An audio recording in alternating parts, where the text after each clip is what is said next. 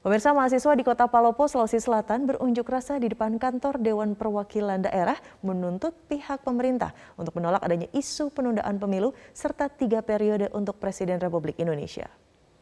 Ya, mahasiswa yang tergabung dalam Aliansi Masyarakat Peduli Kota Palopo melakukan aksi unjuk rasa di depan kantor DPRD Kota Palopo, Sulawesi Selatan. Dan dalam aksinya masa berusaha masuk ke dalam gedung DPRD dengan menerobos kawat berduri yang sudah terpasang oleh aparat kepolisian. Masa juga sempat bersih tegang dengan aparat kepolisian setelah mereka membakar dan bekas di atas kawat berduri.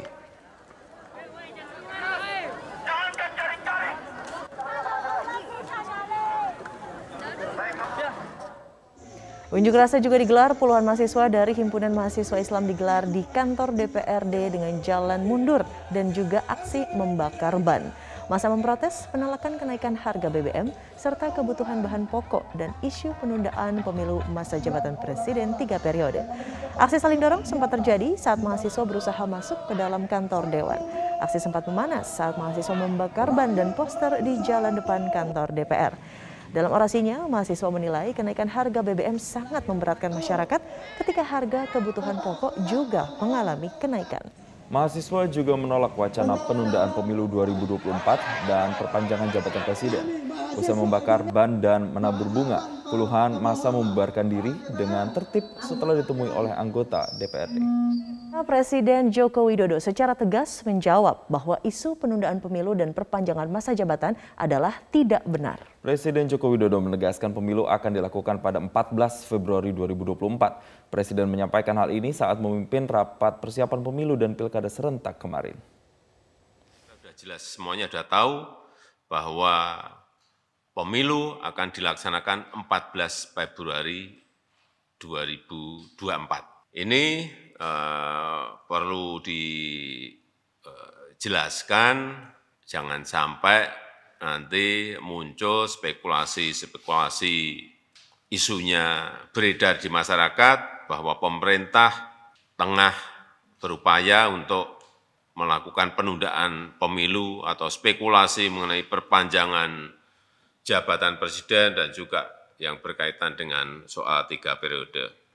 Karena jelas bahwa kita telah sepakat pemilu dilaksanakan tanggal 14 Februari dan pilkada dilaksanakan nanti di November 2024. Sudah jelas semuanya. Saya rasa itu yang bisa saya sampaikan dan menjelang kontestasi politik ini biasanya suhu menghangat itu biasa, tapi jangan sampai apa masyarakat terprovokasi oleh kepentingan-kepentingan politik yang tidak bermanfaat. Oleh sebab itu saya juga minta dilakukan edukasi, lakukan pendidikan politik yang masif kepada masyarakat, kepada para kontestan, jangan membuat isu-isu uh, politik yang uh, tidak baik, terutama isu-isu politik identitas yang mengedepankan isu politik SARA, saya kira kita memiliki pengalaman yang tidak baik di pemilu-pemilu sebelumnya. Kita harapkan ini tidak terjadi di 2024. Saya rasa itu yang Kementerian Haji dan Umroh di Kerajaan Arab Saudi telah mengumumkan bahwa telah mengizinkan satu juta jemaah baik dari luar negeri dan dalam negeri untuk melaksanakan haji tahun 1443 Hijriah atau 2022 Masehi. Namun, haji tahun ini hanya terbuka untuk yang berusia maksimal 65 tahun dan telah mendapatkan vaksin COVID-19 yang disetujui Kementerian Kesehatan Saudi. Jemaah juga diharuskan mengirim hasil tes PCR negatif COVID-19 maksimal 72 jam sebelum keberangkatan. Tentunya nanti kita harus menunggu eh, ketentuan lebih lanjut dari pemerintah Saudi terkait dengan yang paling penting bagi kita adalah kuota untuk Indonesia. Nah ini tentunya pemerintah Saudi uh, sedang mempertimbangkan ya uh, berapa nanti jumlah pasti kuota untuk berbagai negara termasuk Indonesia. Pemirsa penyidikan kasus percobaan perampokan bank di Jakarta Selatan terus berlanjut. Tersangka yang merupakan kepala HRD memiliki total hutang mencapai 5 miliar rupiah dari 12 kreditur. Ada yang menyebut semakin tinggi penghasilan seorang maka makin tinggi pula kebutuhan atau keinginannya. Tapi jika sampai nekat merampok bank demi membayar hutang, jelas ini adalah kriminal. Lalu bagaimana agar kita bisa bijak mengelola keuangan sesuai kemampuan, tak hanya mengejar keinginan, Kita akan bahas lengkapnya bersama dengan Guru Besar FEUI, Budi Fransidi. Selamat siang, Pak Budi. Ya, selamat siang, Mas Jepun. Iya, terima kasih Pak Budi telah bergabung bersama kami di Newsline. Berangkat dari satu kasus ini Pak Budi, gajinya 60 juta, gaji yang besar ini sebenarnya. Tapi sehingga punya hutang sampai miliaran rupiah. Kalau menurut Pak Budi, apa ini yang salah? Adakah mekanisme pengaturan keuangan yang salah atau mungkin hutang yang diambil memang terlalu banyak sehingga tidak mampu dibayar? Seperti apa analisanya? Silakan Pak Budi. Iya, pertama kalau saya lihat adalah uh, gaji bisa besar, ya, tapi kalau keinginan yang memang sifatnya tidak terbatas itu meningkat jauh lebih besar, artinya lifestyle, gaya hidup meningkat jauh lebih besar dari kapasitas, maka ya menjadi lebih besar pasak daripada tiang. Ya. Jadi lifestyle ini yang susah ya, dan juga keinginan itu yang tidak terbatas. Karena kalau kita belajar ilmu ekonomi, itu kan definisinya adalah ilmu mempelajari tingkah laku manusia di dalam memenuhi kebutuhan dan keinginan yang tidak terbatas dengan sumber daya yang terbatas.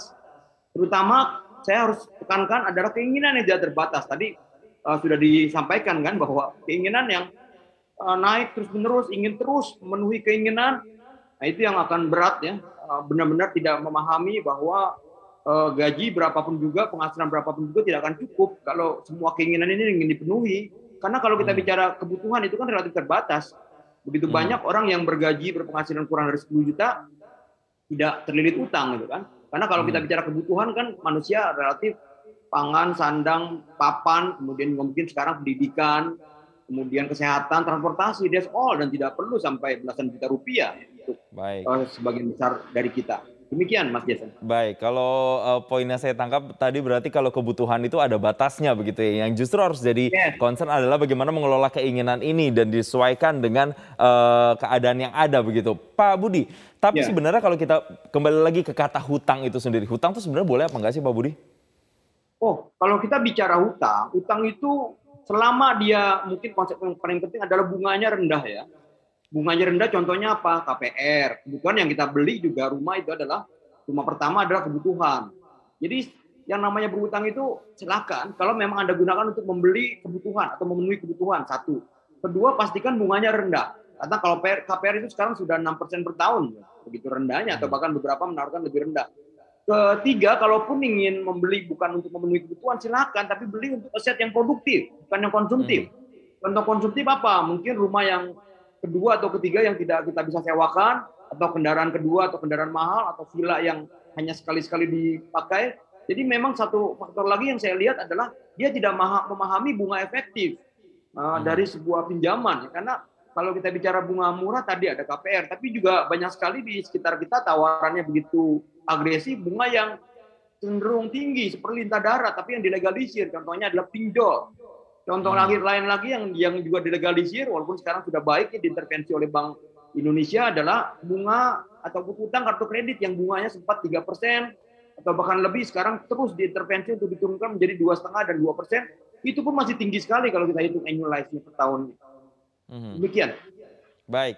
Pak Budi, untuk bisa melakukan otak-atik uh, keuangan dan mengelola hutang ini secara cermat, uh, bisa diilustrasikan nggak kepada kami? Sebenarnya harus seperti apa sih pengelolaannya misalnya dari gaji 10 juta. Untuk berhutang tuh kita minimal eh maksimal itu batas atasnya berapa kita boleh berhutang dan berapa lama biasanya? Silakan Pak Budi. Iya, uh, utamanya tadi ya konsepnya bunganya rendah dan maksimum angsuran itu tidak boleh lebih dari sepertiga daripada uh, penghasilan kita. Jadi kalau uh, katakan 10 juta ya total dari semua angsuran Eh, kewajiban uh, membayar bunga atau angsuran yang kita alami itu tidak boleh lebih dari 3,3 juta. Ya dan itu sudah diterapkan oleh banyak kreditur ya. Tapi beda dengan yang yang memang mencekek uh, leher kita ya dengan bunga tinggi yang namanya pinjol malah dia nggak memperbolehkan itu karena ya menggunakan ancaman dan sebagainya. Jadi utamanya tadi uh, maksimum sepertiga dan uh, pastikan juga bahwa memang Eh, kita mengacu kepada katakan bunga tabungan berapa ya bunga pinjaman mestinya tidak jauh di atas itu. Kalau sekarang bunga tabungan atau deposito hanya 3-4 persen, ya bunga pinjaman rasanya mesti single digit juga. Kalau sudah double digit dalam era inflasi rendah dan suku bunga rendah seperti saat ini, mestinya kita hindari ya. Jadi hmm. hindari bunga atau utang yang berbunga tinggi, katakan mulai dari pinjol yang utama, kemudian kartu kredit, tapi tidak apa-apa ya kita meminjam untuk yang produktif atau memang memenuhi uh, apa namanya kebutuhan kita. Contohnya KPR kan bunganya juga rendah, katakan 6% atau kurang dan silakan kita kalau untuk yang pinjaman berbunga rendah periode kita nggak usah batasi harus lunas dalam satu dua tahun silakan aja karena memang uh, ini untuk memenuhi kebutuhan kita. Baik. Pak Budi, ini menarik ketika Pak Budi menyinggung soal kalaupun harus berhutang akan lebih baik misalnya hutangnya untuk sesuatu yang produktif alias hutang produktif tadi. Tapi kalau kita lihat gaya hidup masyarakat zaman sekarang, banyak juga orang-orang yang spend money atau spend cost mereka untuk sesuatu yang sifatnya uh, pleasure, seperti misalnya traveling. Nah, atau uh, ke yang lain-lain begitu. Nah, kalau kegiatan seperti traveling tapi harus sampai berhutang. Nah, apakah yang seperti ini itu diperbolehkan atau tidak sih sebenarnya bijak atau tidak sih sebenarnya Pak Budi? Iya, uh, kembali uh, tadi ya bahwa kalau kita bicara manusia pada umumnya mempunyai sifat itu rising wants atau rising expectation, harapan dan keinginan yang terus meningkat. Nah, di sini perlu self control ya. Bagaimana kita mengendalikan keinginan kita uh, bahwa kalau gaji meningkatnya 20% ya lifestyle kalau bisa kita pertahankan tidak meningkat ataupun kalau meningkat ya maksimum 20% itu. Tapi yang saya perhatikan kan banyak orang uh, lifestyle-nya meningkat lebih daripada kapasitasnya ya kemampuan atau kenaikan penghasilannya. Jadi saya pikir yang bijak tidak akan melakukan traveling dengan hutang karena hmm. ini adalah ya hanya sekedar memenuhi keinginan. Mungkin satu satu pepatah ataupun satu nasihat yang penting yang ingin saya sampaikan adalah kalau Anda terus-menerus ingin memenuhi keinginan-keinginan Anda, maka jangan kaget pada waktunya Anda harus menjual barang-barang yang Anda butuhkan. Ya, if you keep hmm if you keep buying the things that you want, then sooner or later you will have to sell things that you need for this life. Oke, ini pesan yang sangat uh, kuat sekali.